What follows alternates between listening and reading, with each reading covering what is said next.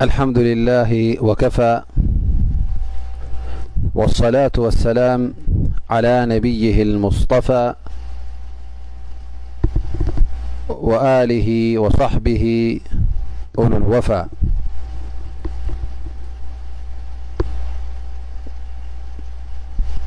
يا أيها الذين آمنوا اتقوا الله حق تقاته ولا تموتن إلا وأنتم مسلمون يا أيها الناس اتقوا ربكم الذي خلقكم من نفس واحدة وخلق منها زوجها وبث منهما رجالا كثيرا ونساءا واتقوا الله الذي تساءلون به والأرحام إن الله كان عليكم رقيبايا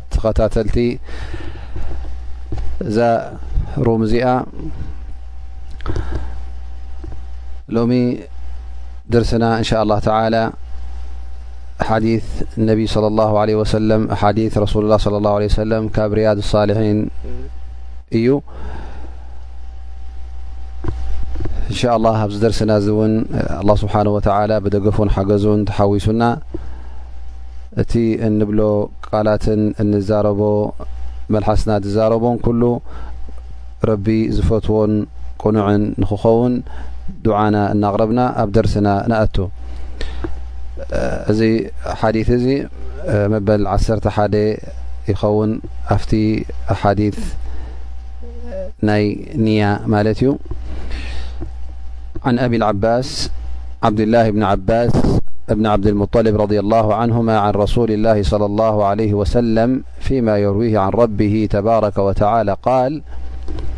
إن الله كتب الحسنات والسيئات ثم بين ذلك فمن هم بحسنة فلم يعملها كتبها الله تبارك وتعالى عنده حسنة كاملة وإن هم بها فعملها كتبها الله حسنات إلى ضعف إلى أضعاف كثيرة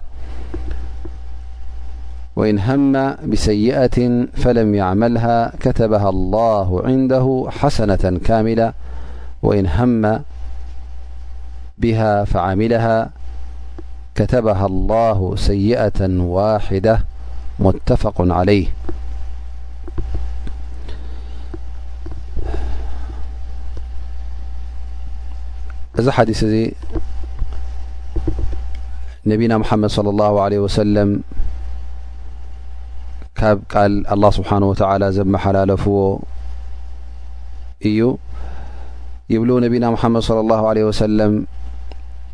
ኣላህ ስብሓነሁ ወተዓላ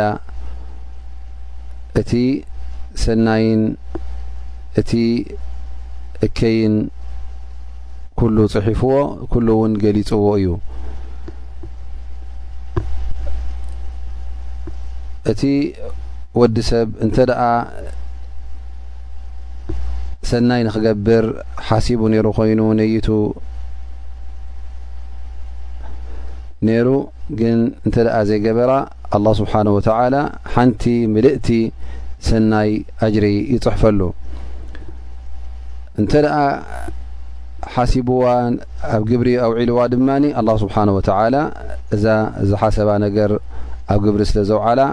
ዓሰርተ ሓሰናት ዓሰርተ ሰናያት ዓሰርተ ኣጅሪ ገይሩ ክሳዕ እውን ሸውዓተ ሚእቲ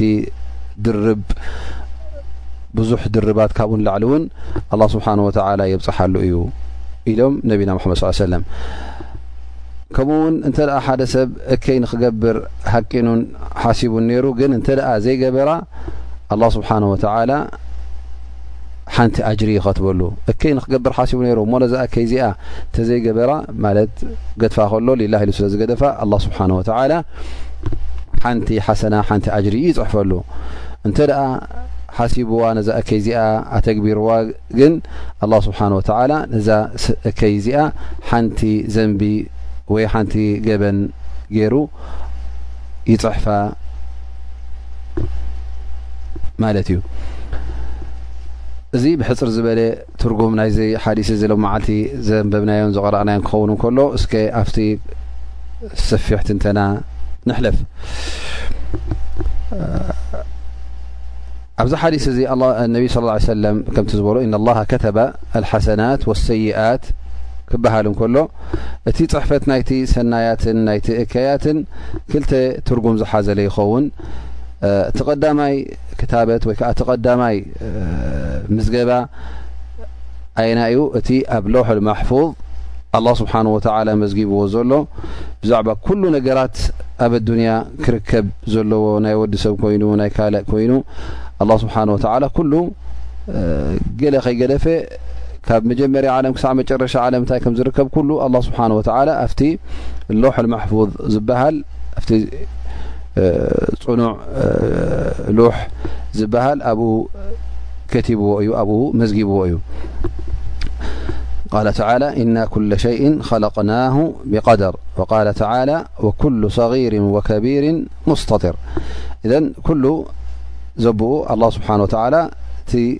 ኣብ ኣዱንያ ዝርከብ ምንም ከይገደፈ ጽሒፍዎ እዩ። ሓደ ካብቲ ዝጸሓፈውን ሰናያትን እከያትን ኣብቲ ሎሖል ማሕፉዝ ቀደም ብጥንቲ ጌና ኣብቲ መጀመርያ ዓለም ቐለም ንገዛእ ርእሱ እቲ ብርዒ ክኽለቕ እንከሎ ክተብ ጽሓፍ ኢልዎ እንታይ ክጽሕፍ ኣንታ ጎይታይ ኢሉ ምስ ሓተተ እክቱብ እቲ ክኸውን ዘለዎ ኩሉ ጸሓፎ ኢሉ ኣላ ስብሓን ወተላ ኣዚዝዎ ኩሉ እውን ተጻሒፉ ማለት እዩ እዚ እቲ ሓደ ትርጉም ናይዚ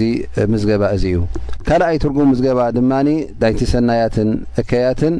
ሽዑ እቲ ባርያ ኣላ ስብሓን ወተላ እቲ ባርያ ኣላ ክፅሕፋ ክገብራ እንከሎ ነታ ተግባር ሰናይ ትኹን እከይ ትኹን ኣላህ ስብሓነ ወተዓላ መላኢካ ወኪሉ ማለት እዩ ነዚ ተግባር እዚ ይፅሕፉልካን ይምዝግቡልካን ማለት እዩ እቶም መላኢካታት ከምቲ ኣላህ ስብሓነ ወተዓላ ዝደልዮን ከምቲ ዝኣዘዞን ገይሮም ይፅሕፍዎ ማለት እዩ እዚ ኢዘን ክእተን ክልተ ምዝገባ ናይ ተግባራት ወይ ከዓ ናይ ሰናይን እከይ ንኸውን እቲ ቀዳማይ እቲ ኣብ ፍልጠት ኣላ ስብሓን ወተላ ፊ ዕልሚላህ ዘሎ ማለት እዩ እዚ ነገር እዚ እውን ንሕና ንፈልጦ ነገር የብልናን ኣብ ግብሪ ክውዕል እንከሎ ኢኻ እቲ ጉዳይ ትረኽቦ እትፈልጦ ዳኣ እምበር እቲ ቀዳማይ ፅሕፈት ኣላ ስብሓን ወተላ ዝፀሓፎ ዝኾነ ይኹን ካባና ኣይፈልጦን እዩ እንታይ ኣላ ስብሓን ወተላ ከም ፀሓፈ ኸይር ይኹን ሰናይ ይኹን ፅሒፉልና ዘሎ ኣብቲ ሎሖል ማሕፉዝ ዘሎ ንፈልጦ ነገር የብልናን። እዚ እቲ ቀዳማይ ምዝገባ እዩ። እቲ ካልኣይ ምዝገባ ግን ከምቲ ዝጠቐስናዮ ሓደ ሰብ እንተ ነቲ ዝገብሮ ዘሎ ተግባር ሰናይ ይኹን እከይ ኣላ ስብሓን ወተዓላ ነዚ ተግባራት እዚ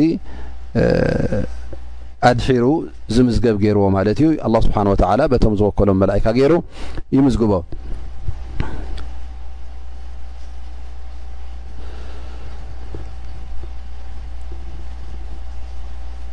طይብ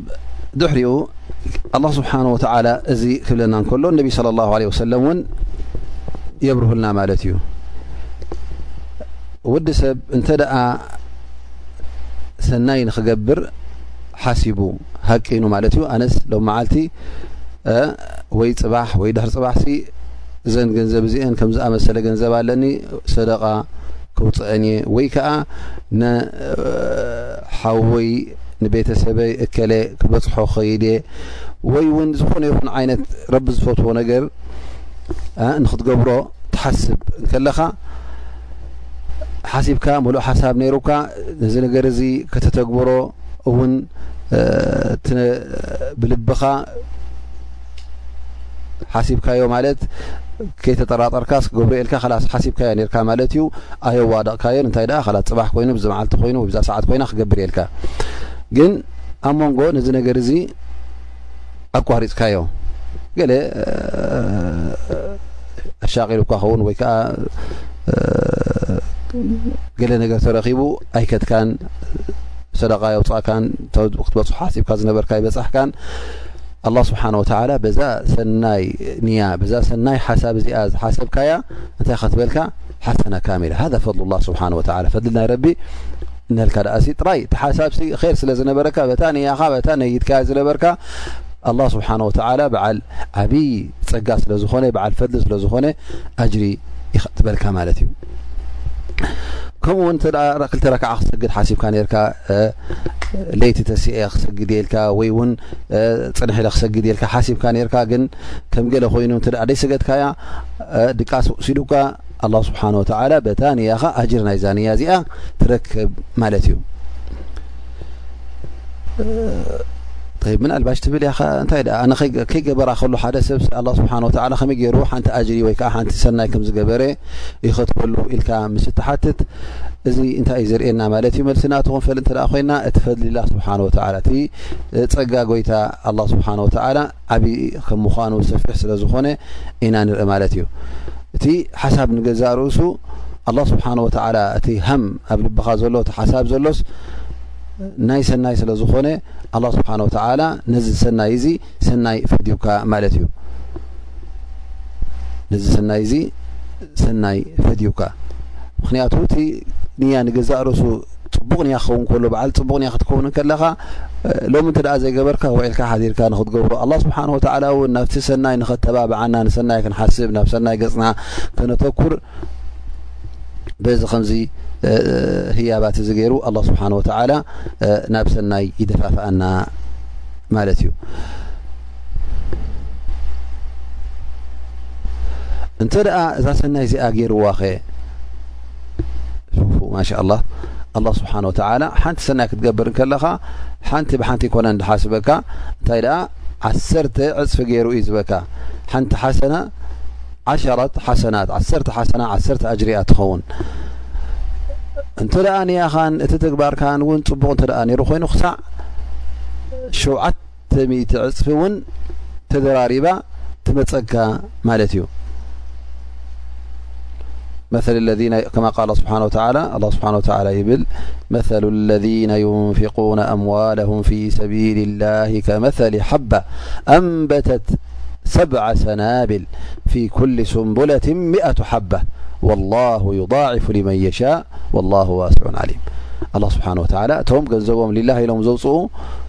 ፊ ሰቢልላህ ንኣላህ ስብሓን ወተዓላ ዝፈትዎ ነገር ኢሎም ዘውፅኡ ልክዕ ከምቲ ሓንቲ ጥረ እኽሊ ማለት ክትዘርኣ ከለኻ ከመተለ ሓበትን ተዘሪኣ ሸውዓተ ጉንቦ እተውፅእ ተን ጉንቦታት ድማ መሚቲ ጥረ መምቲ እኽሊ ሒዘን ዝወልዳ ክንደ ይኸውን ማለት እዩ ሸውዓተ መሚቲ ሸውዓተ ሚት ይኾነልካ ማለት እዩ ከምኡ ገይሩ ኣላ ስብሓን ወተዓላ ነዛ ሓንቲ ጥረ ናብ ሸውዓተ ጉንቦ ኩሉ ጉንቦ ነናቱ መሚቲ ጥረ ዝሓዘለን ዝወለደን ዝገብሮ እንሀልካ ተኣጅርታት ሰናይ ተግባራትካ እውን ከምዚ ገይሩ ኣላ ስብሓን ወተዓላ ይደራርበልካ እዩ ኣንታ ባርያ ረቢ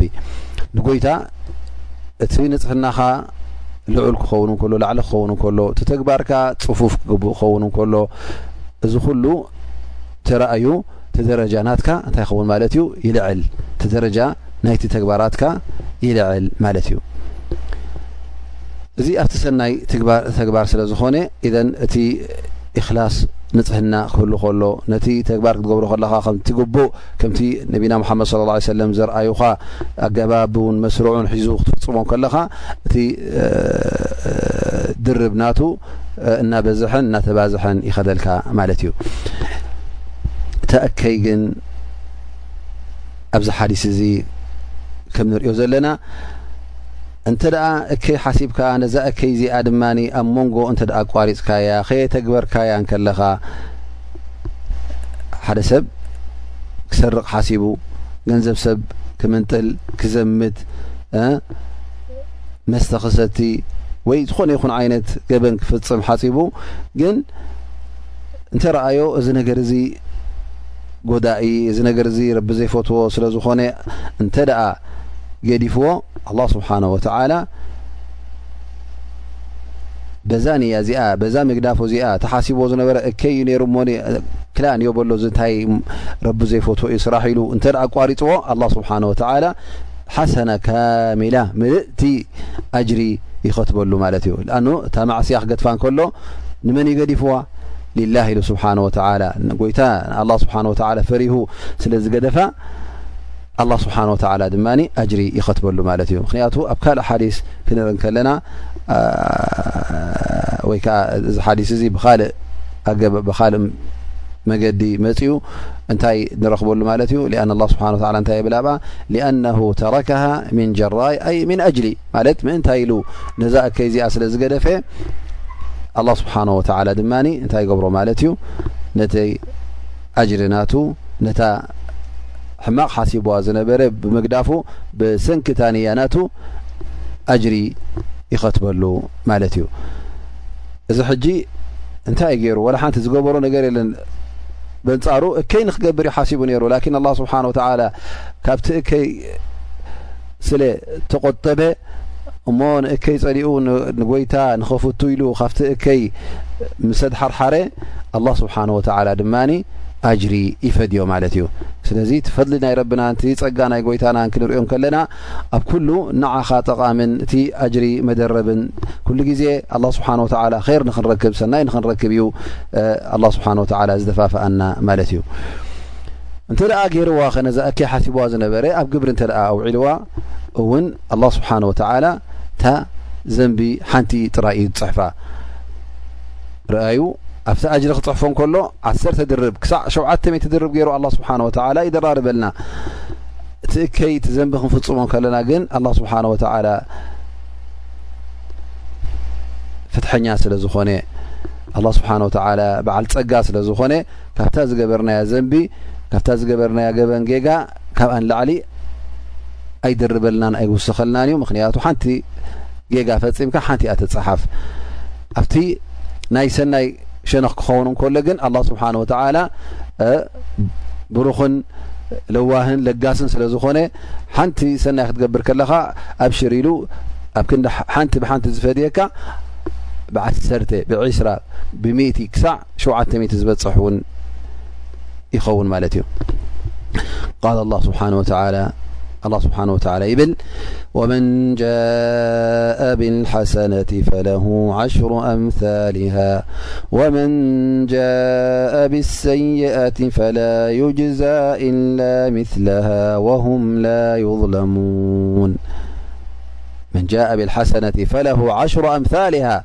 ሓንቲ ሰናይ ሒዙ ዝቐረበ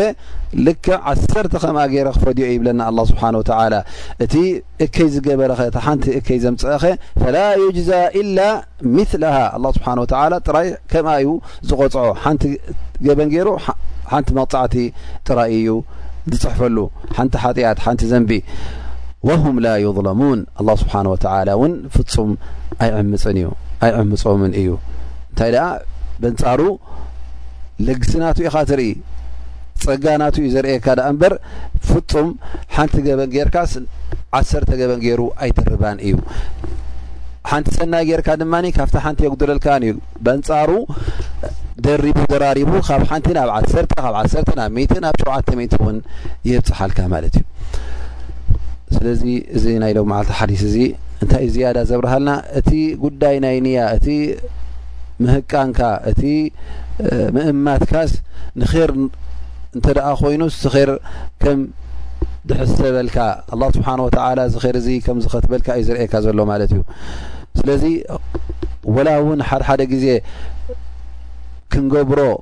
ዘይንኽእል ነገራት እንተ ኣሎ ኮይኑ ብንያ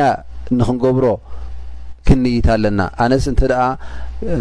ከምዝን ከምዝን ተቃህሊሉለይ እዝን እዝን ተሸላሽሉለይ ሲ እንሻ ላ ከምዚ ክገብር ኢልካ ኣብ ልብኻ ንያ ከተሕድር ኣለካ ሓሳብ ክትገብር ኣለካ ንሰናይ ስንኼርሲ ካብ ልብኻ ክተርሕቆ የብልካን ክተተግብሮ ውን እንተ ዘይከኣልካስ ከተተግብሮ እተ ግዜ ዘይብልካ ከተተግብሮ እተ ዓቕሚ ዘይብልካ ክትሓስቦ ዓቕሚ ኣለካ ኣብ ልብኻ ከተቕርቦ ዓቕሚ ኣለካ ስለምንታይ እሞ ካብዚ ኣጅሪ ዘትሕረም እዘን ነቲ ር ነቲ ሰናይሲ ነፍስኻ ኩሉ ግዜ ንር ክትዛረብ ኣለካ ማለት እዩ ፈትሓዲስ ነፍሰ ሓዲፍ ነፍስ እዚ ናይ ምስ ነብስኻ ነብስኻ ትዛረባ እዛ ነብሰይሲ ኣነስ ከምዚ ክገብር እየ ከምዚ ሓሲ ከምዚ ክፍፅም እየ እዚ እዚ እንተኣ ተሻላሽለይ ከምዚ ክገብር እየ እንተልካ ትሓስብ ኮንካ ኣላ ስብሓን ወተዓላ እውን እዚ በዚ ሓሳባትካ እዚ በዚ ፅቡቕ ንያኻ እዚ እውን ኣጅሪ ክኸትበልካ እዩ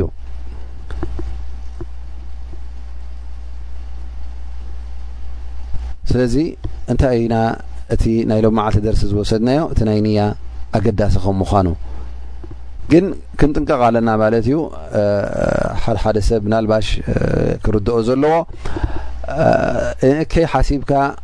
ንብሎ ዘለና እሞ እዚ እከይ እዚ እንተ ዘይፈፂምካዮ እተ ዘየተግበርካዮ ኣጅሪ ኣለካ ንብለካ ዘለና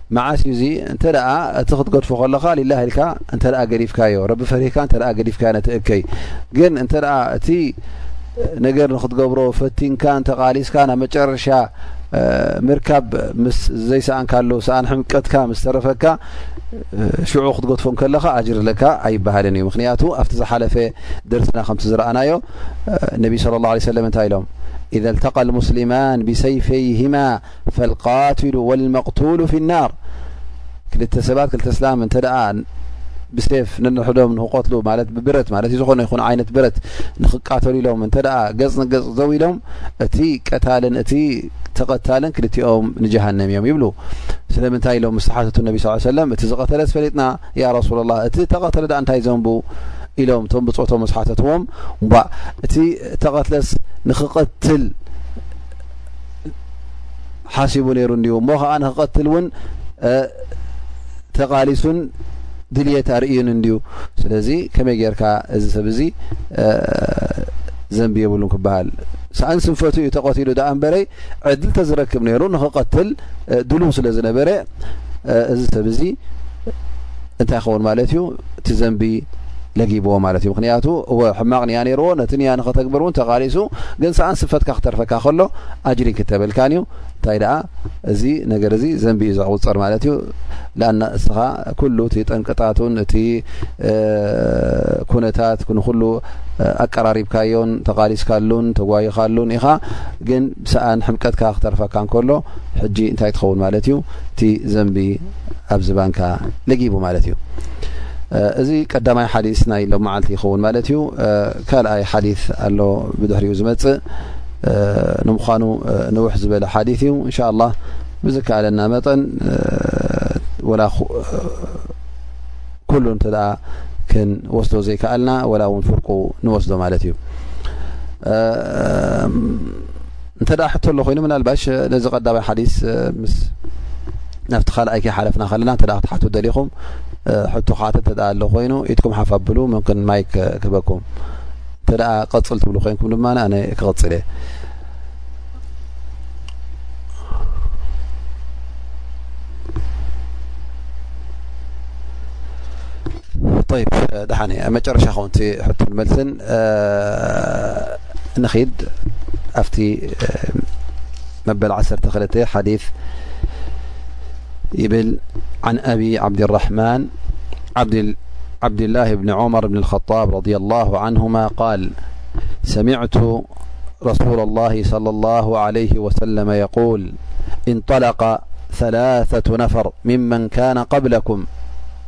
حتى آواهم المبيت إلى غار فدخلوه فانحذرت صخرة من الجبل فسدت عليهم الغار فقالوا إنه لا ينجيكم من هذه الصخرة إلا أن تدعوا الله تعالى بصالح أعمالكم قال رجل منهم اللهم كان لي أبوان شيخان كبيران وكنت لا أغبق قبلهما أهلا ولا مالا فنبي طلب الشجر يوما فلم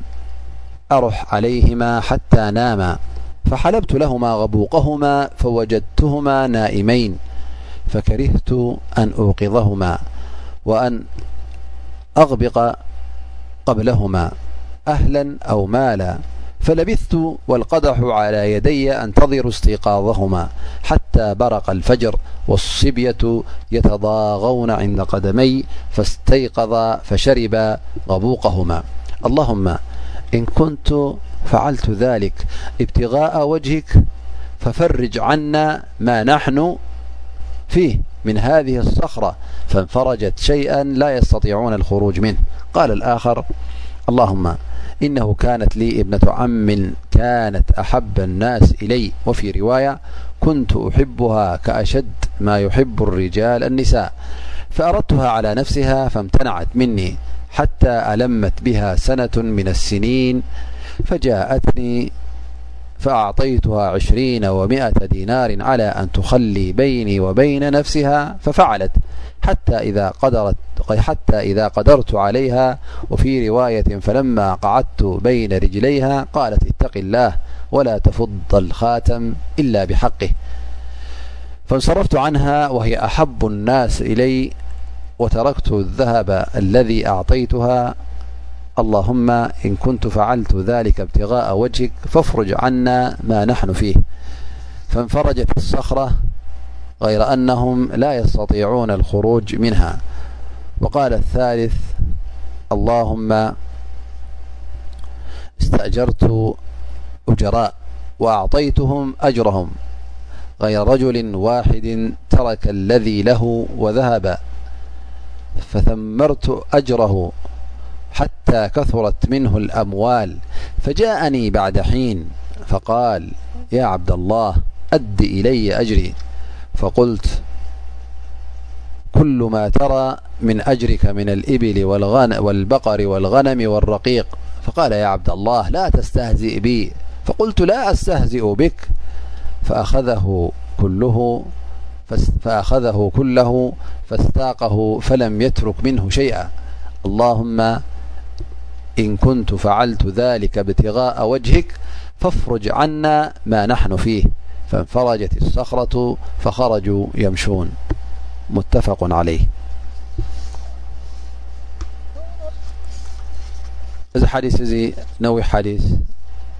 ነቢ صለ ላሁ ለ ወሰለም ይብሉ ሰለስተ ሰባት ነይሮም እዞም ሰባት እዚኦም ጠብ ካብቶም ቀዳሞት ማለት እዩ ቅድሚ ነቢና ሙሓመድ ለ ላሁ ለ ሰለም ኣብቲ ቀዳሞት እማታት ካብቶም ዝሓለፉ እማታት እዮም እዞም ሰለስተ እዚኦም ብሓደ ተበጊሶም ንመገሻ ይኹኑ ወይ ከዓ ዝኾነ ይኹን ጉዳዮም ብሓደ ተበጊሶም እናኸዱ ከለዉ እዚ መገሻ እዚ መንገዲ ለይቲ ስለ ዝኣኸሎም መሬት ስለ ዝፀልመተ መሕደሪ ደልዮም ማለት እዩ መሕደሪ ኣበይ ረኽቡ በዓቲ ይረኽቡ ማለት እዩ በዓቲ ምስ ረኸቡ ኣብዛ በዓቲ እዚኣ ኣትዮም ይድቅሱ ንህልካ ደቂሶም ከለዉ ጉዳይ በዓቲ ከምዚ ኩላህና ንፈልጦ በዓቲ እንታይ እዩ ኣብ ጎቦ ዝርከብ ባዶ ቦታ ወይ ከዓ ከም መእተዊ ዘለዎ ተኣትዎ ማለት እዩ ካብቲ ላዕሊ ጎቦ ገጃፍ እምኒ መፅያ ነዚ በዓቲ እዚ ተዓፅወላ ማለት እዩ ዝተዓፀወት እዛ እምኒ እዚኣ ብጣዕሚ ዓባይ ደንጎላ ስለ ዝነበረት ክደፍእዋ ተፈተኑ የማን ፀጋም ተበሉ ኣይከኣሉን እንታይ ደኣ ክንገብር ኢና ይብሉ ንልካ ሕጂ መውፅ የለን ብንታ ኣዊካ ይስማዕ ወላ ደፊእካያ ኣይትኸይድ ገጃፍ እምኒ ዓባይ ደንጎላ ነቲ ኣፍ ደገ ዝነበረ ነታ መእተዊቶም በታ ዝኣተውላ መፅያሕትም ተብላላ ማለት እዩ ኮፍ ኢሎም ሓሲቦም ሓሲቦም እንታይ ይብሉ ላስ ሕና ንገብሮ ነገር የብልናን ስለዚ ናብ ጎይታና ጥራይ ናብ ምልማን ክንኣቱ ኣለና ማለት እዩ እሞ ከዓ ካብዛ እዛ እምኒ እዚኣ ክትልቅቕ ክትለቅቕ እንተ ኮይና ፈቐ ክትብል እተ ምውፅእ ክንረክብ እተ ኮይናስ ዱዓ ከድልየና እዩ እቲ ዱዓና ድማ እስከ ኩላህና እንታይ ኣሎ ሰናይ ነገር ዝገበርናዮ ንዕኡ ዘኪርና ብኡ ዱዓ ንግበር ይብሉ ማለት እዩ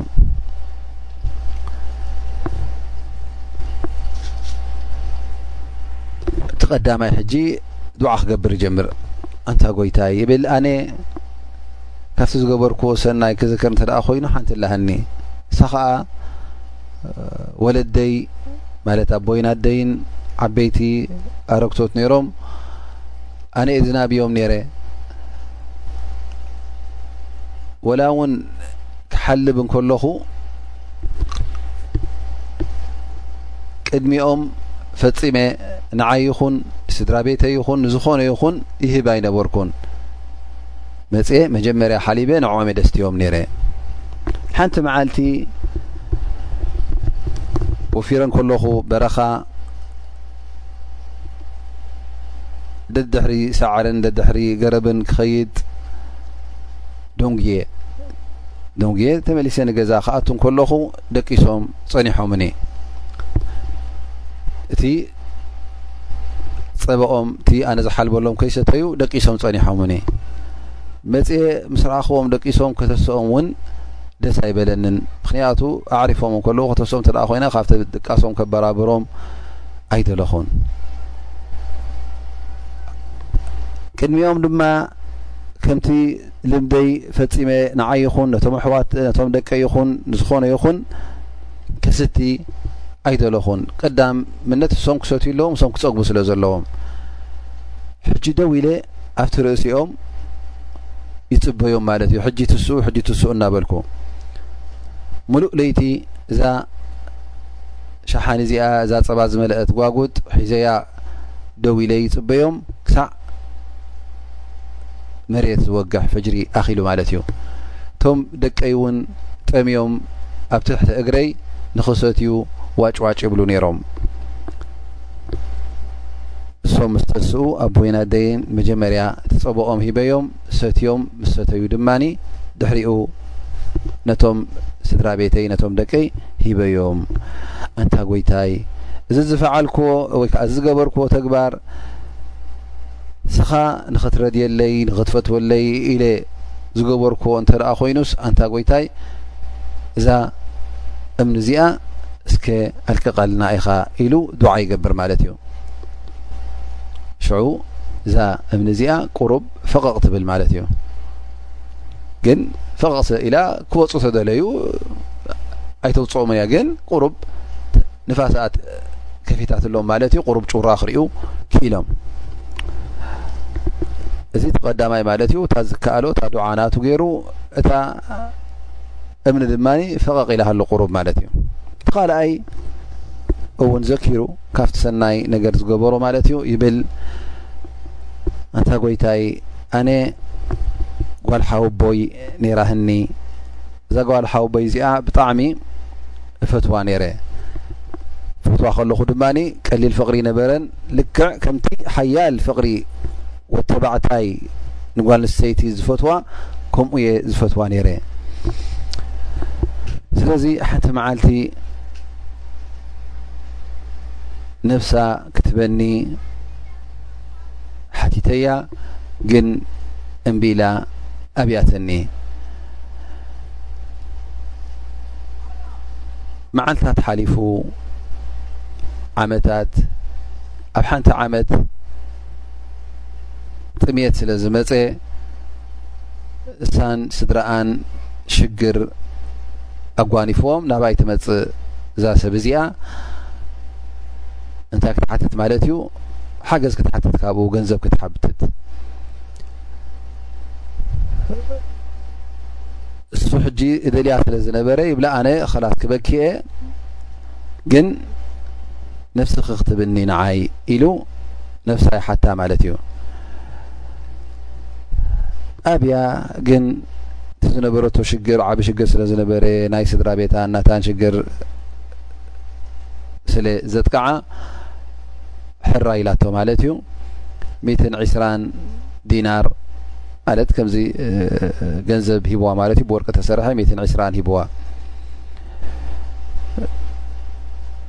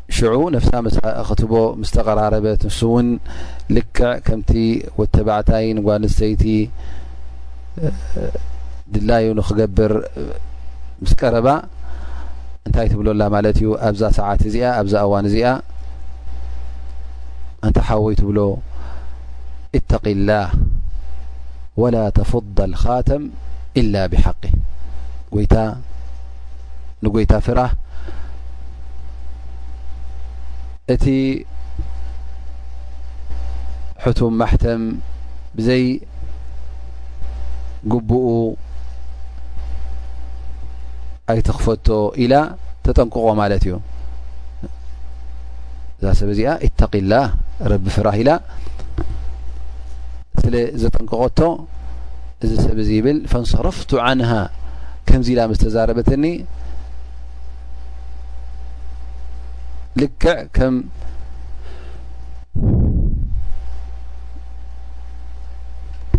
ብምስማር ወይ ብመርፍእ ዝወገኦቶ ሓደ ሰብ ብር ዝብል ብድድ ኢለ ተስኤ ገዲፈያ ኣብቲ ሰዓት እቲ እውን ክገድፋ ከለኹ ፀሊኣያ ኣይኮንኩን ገዲፈያ ግን ገድፋ ከለኹ እውን ኣሓብ ናስ ተፈቅረት ሰብ እያ ነይራ ኣብ ልበይ ግን ምስ ኣጠንቀቐትኒ ብዘይ መሰሉ ወይ ከዓ ብዘይ ሓቁ ነዛ ሰብ እዚኣ እቲ ክብረታ ንኸይትንክፍ ኢለ ብድድ ኢለ ተስአ እቲ ዝሃብክዋ ወርቅን ገንዘብን እውን ገዲፈላ ከምቲ ተሰማማዕናዮ እቲ ነብሳ ክትበኒ ሓሲበ ዝነበርኩ እሱ እውን ገዲፈዮ እቲ ገንዘብ እውን ገዲፈላ ይብል እሞ ኣንታ ጎይታይ እዚ ዝገበርክዎ እዚ ንስኻ ንኽትፈትወለይ ፍርሂ ናትካ እንተ ደኣ ኮይኑ ነይሩ ኣንታ ጎይታ እዛ እምኒ እዚኣ ቁሩብ እስከ ልቐቐልና ኢሉ ዱዓ ይገብር ማለት እዩ እታ እምኒ እታ ደንጎላ ድማ ቁሩብ ፈቐቕ ትብል ካብቲ ቀዳማይ ዝነበረቶ ሕጂ ዝያዳ ተፈቂቃ ማለት እዩ ወሲኻ ግን ንዕኦም ክተውፅኦም ኣይትኽእልን እያ ሰብ ተውፅእ ኣይኮነትን ግን ቀዳማይ ነቲ ተፈቂቃትሉ ነዚ እውን ቁሩብ ተፈቂቃትሉ ግን ሰብ ክወፃላ ዘይክእል ኮይና ማለት እዩ ብሕጂ መን ተሪፉ ትሳልሳይ ድማ ተሪፉ እንታይ ክብል እዩ ስኪ ንስማዓዮ ትሳልሳይ ትሳልሳይ እንታይ ይብል ኣታ ጎይታይ ኣነ ሓደ ግዜ ሰራሕተኛታት ቆፂረ ነይረ ንኩሎም እውን ነናቶም ሂበዮም ሰሰሪሖም ስራሖም ምስ ወድኡ ነናቶም ረረሃፆም ከፍ ኢለዮም ግን ሓደ እቲ መሃያናቱ ረሃፁ ከይተቐበለ ኣስተናኢስዎ ወይ ከዓ ዝተዋሒድዎ ገዲፍዎ ኸይዱ ምስ ከደ እቲ ናቱ መሃያ ማለት ኣነ ብድሕሪኡ ኣባዚሐዮ ኣብ ዘራእቲ ኮይኑ ኣብ ጥሪት ኮይኑ ኣብ ንግዲ ኮይኑ መቸም ኣባዚሑሉ ማለት እዩ ሽዑ እቲ ገንዘብ እናተባዝሐ ከይዱ እፅበዮ ድማ እዚ ገንዘብ ናይ ሰብ እዚ ናይዚ ሰራሕተኛ ምሳይ ሰሪሕ ዝቆፂረዮ ዝነበርኩ ናቱ ኢሉ ምስቲ ናቱ ንብረቱ ኣባዚሑሉ ማለት እዩ ድሕሪ ዓመታት ድሕሪ ነዊሕ ግዜ እንደገና ይመጽእ ማለት እዩ መን እዚ መሃይኡ ዘይተቐበለ መጽኡ ኣታ ሰብኣይ ረቢ ፍራ ንጎይታ ፍራ እቲ ጻማይ እቲ ድኻመይ ትረሃጸይ እንተኾንካ ካልእ ትኸፍለኒ ሃበኒ ኢሉ ተዛሪብዎ ማለት እዩ ንዓ ኢሉ ውሰድ እቲ ናህካ ጻማ ኢሉ መዓት ኣጣልን ኣባጊዕን ከብትን ኣግማልን ባሮትን ዘለዎ ኣገልገልትን ዘለዎ ቦታ ወሲዱ እነልካ እዚዩ ማልካ ውሰዶ ይብሎ ማለት እዩ እንታ ሰብኣይ እንታይ ካ ትብል ዘለኻ ንዓይ ክትላገፀለይ መዓት ኮይነ ኣነ ሕጂ ትዛረበካ ዘለኹ ይብሎ ማለት እዩ ምክንያቱ ኣነ ዝገደፍኩልካ ኢልዎ ካልእ እዩ ነይሩ እስኻ ትብለኒ ዘለኻ ድማ ካልእ ሽዑ ውሒዱኒ ዝበልኩካ ሕጂ መዓት ጥሪት መዓት ተለበጊዕ መዓት ገለመታት ትበኒ ኢሉ ይምልሰሉ ማለት እዩ ፈቁልት ላ ኣስተህዚኡ ቢካ ኣነ ላገጸልካ ኣለኹን እዚ ኩሉ ናካ እዩ ተዝገደፍካየን ተባዚሖናልካ ኣነ ድማ ሓልየልካ ንህልካ እዚ እዩ ገንዘብካ ይብሎ ማለት እዩ ሽዑ እዚ ሰራሕተኛ እዚ ኩሉ እቲ ውሰዶ ዝበሎ እዚ ገንዘብካ ዝበሎ ሓንቲ ከይገደፈሉ ወላ እውን ናይቲ ድኻምካ ከይበሎ ወይ ከዓ ናይቲ ዝሓለኻዮን ከይበሎ ኩሉ ፀሪጉ ፀራሪጉ ተን ናትካ እዩ ዝበሎ ይወስደን ማለት እዩ ሽዑ ሓንቲ ይበሎን ምክንያቱ ናቱ ስለ ዝኮነ ኢሉ ስለ ዘባዝሓሉ ይብል ኣላሁማ ኣንታ ረቢ ኣንታ ጎይታይ እዚ ነገር እዚ ዝገበርክዎ ነዚ ሰብ እዚ ዝሃብክዎ ማል ካባኻ ፈሪሀን ኣጅርናትካ ደልየን እንተ ደኣ ኮይኑ ነይሩ ኮይኑስ እስከ እዛ ዓፅያትና ዘላ እምኒ ቁሩብ ፈቐቕ ኣብለና ኣንታ ጎይታ ኢሉ ዱዓ ይገብር ማለት እዩ ፈፍሩጅ ዓና ማ ናሕኑ ፊህ ዘለናዮ ፀቢብ ኩነት ዘለናዮ ጨንቂ እስከ ፈርጀልና ይብል ማለት እዩ ፈንፈረጀት ሰኽራ እታ እምኒ ድማ ሽዑ ፈቐቕ ኢላ ከም ዝወፁ ኮይኑ እታ ፈቓቕ ወይ ከዓ እታ ተኸፈተት ከተውፅኦም ክኢላ ማለት እዩ ኢዘን እዞም ሰለስተ ሰባት ብከምዚ ነገር እዚ ካብዚ መዓት እዚ ካብዚ ሽግር እዚ ወፅኦም ይብለና ነቢ ለ ላ ለ ወሰለም ጠብ እዚ ሓዲስ እዚ ሕጂ ኣብኡ ከለና ኢና ተንቲናዮ ዘለና ኣብኡ ከለካ እውን ርዱ እዩ እንሻ ላ ግን ትቐንዲ ነጥቢ ኣብዚ ሓዲስ እዚ ወይ ከዓ ኣብዚ ሰማዕናዮ ቃል ነቢና ሙሓመድ ለ ላሁ ለ ወሰለም እንተ ደኣ ክንርኢ ኮይና ኣላ ስብሓን ወተዓላ ዱዓ ባሪኡ ከም ዝሰምዕ ዱዓ ጌርካ እውን ዱዓ ከም ዝቕበል ንርኢ ኣለና ማለት እዩ ግን እቲ ዝዓበየ ነጥቢ እቲ ንፅህና ናህካ እዩ ክረአ ዘለዎ ማለት እዩ ዱዓ ክትገብር እንከለኻስ እቲ ዝገደፍካዮ ነገር ወይ ከኣ ሊላህ ኢልካ ክትገድፎ ከለኻ ክሳዕ ክንደይ ብልጸት ከም ዘለዎ እዞም ሰባት እዚኦም ሕጂ እቲ ኩሉ ዝጠቕስዎ ዝነበሩ ምስ ምንታይ ተኣሳሰረ እዩ ነይሩ ምስቲ ናይ ኣብ ልቦም ዘሎ ንያ እቲ ዝገደፍዎ ማል እቲ ዝገደፎ እታ ዝገለፋ ሰበይቲ እቲ ዝገደፎ እቲ ኣነባብያን ኣገዳድሳ ናይ ኣቦኻን ናይ ወለድኻን ተገዲስካን ክትሪኦም ከለኻን ክተኽብሮም ከለኻን ሊላህ ኢልካ ክትገብሮ ከለኻን ሰብ ክርኤለ ኢልካ ክትገብሮ ከለኻን ተፈላለየ ከም ምዃኑ ንርኢ ኣለና ማለት እዩ እዘን እንታይ እዩ እንተ ደኣ ሓደ ሰብሲ ትንይኡ ሊላህ እንተ ደኣ ነይሩ ኮይኑ ቅቡል ከም ምዃኑ ኣጅሪ ከም ዝረኽበሉ ኣብ ኣኼራን ኣብ ኣዱንያን ከም ዝጠቕሞ እዞም ሰባት እዚኦም ሕጂ እቲ ዝገበርዎ ንጎይታ ንሊላህ ኢሎም እዮም ገይሮሞ ነይሮም እቲ ኣጅሮም ኣላ ስብሓን ወተላ ተቐቢልሎም እዮም ኣብ ሽግር ምስ ወደቑ ድማ በዚ ሰናይ ተግባረት እዚ በዚ ፅቡቕ ግብሪ እዚ በዚ ረቢ ዝፈትዎ ግብሪ ናብ ጎይታ ቀሪቦም ኣንታ ጎይታ ዩ እዚ ዝገበርናዮስ ሊላ ኢልና ንዓኻ ኢልና ገርናዮ እተ ነርና ኮይናስ እዚ ወሪዱና ዘሎ ፀበባ እዚ ወሪዱና ዘሎ ሽግርሲ ኣቃልለልና ኢሎም ዱዓ ምስ ገበሩ ኣላህ ስብሓን ወተዓላ ካብኡ ኣቃሊሎም ማለት እዩ እዘን እቲ ኣማና ገንዘብ ሰብ ብኣማና ሒዝካ ብኣማና ክትመልሶ ከለኻ ንኣሕዋትካ ንደቂ ኣንስትዮ እውን ከይግሃስካ ንዐአን ክትብድል ዕድል ረኺብካ እንከለኻ ካብኡ ክትነፅህ እንከለኻ ካብ ዝምውናን ካብ ብዕልግናን ክትርሕቕ እንከለኻ ንወለድኻ እውን ከተኽብር እንከለኻ እዚ ካብቲ ዓበይቲ ሰናይ ተግባራት ከም ምዃኑ እንህልካ ደኣሰ እውን ካብ ክንደይ ዕንቅፋታት ካብ ክንደይ ሽግራት እውን ከውጻካ ከም ዝኽእል እዩ እዚ ሓዲስ እዚ ዘብርሃልና ዘሎ ማለት እዩ ኢዘን እቲ ቀንዲ ነገር ምስቲ ናይ ንያ ክነመዛዝኖ እንተ ደኣ ኮይናስ ወይ ከዓ ምስቲ ናይ ንያ ጀሚርናዮ ዘለና ምስኡ ዝኣቱ ስለ ዝኾነ እዚ ሓዲስ እዚ እቲ ንያኻን እቲ ድልየትካን ናይ ጎይታ ድልየት ናይ ኣጅሪ ድልየት ክኸውን ከሎ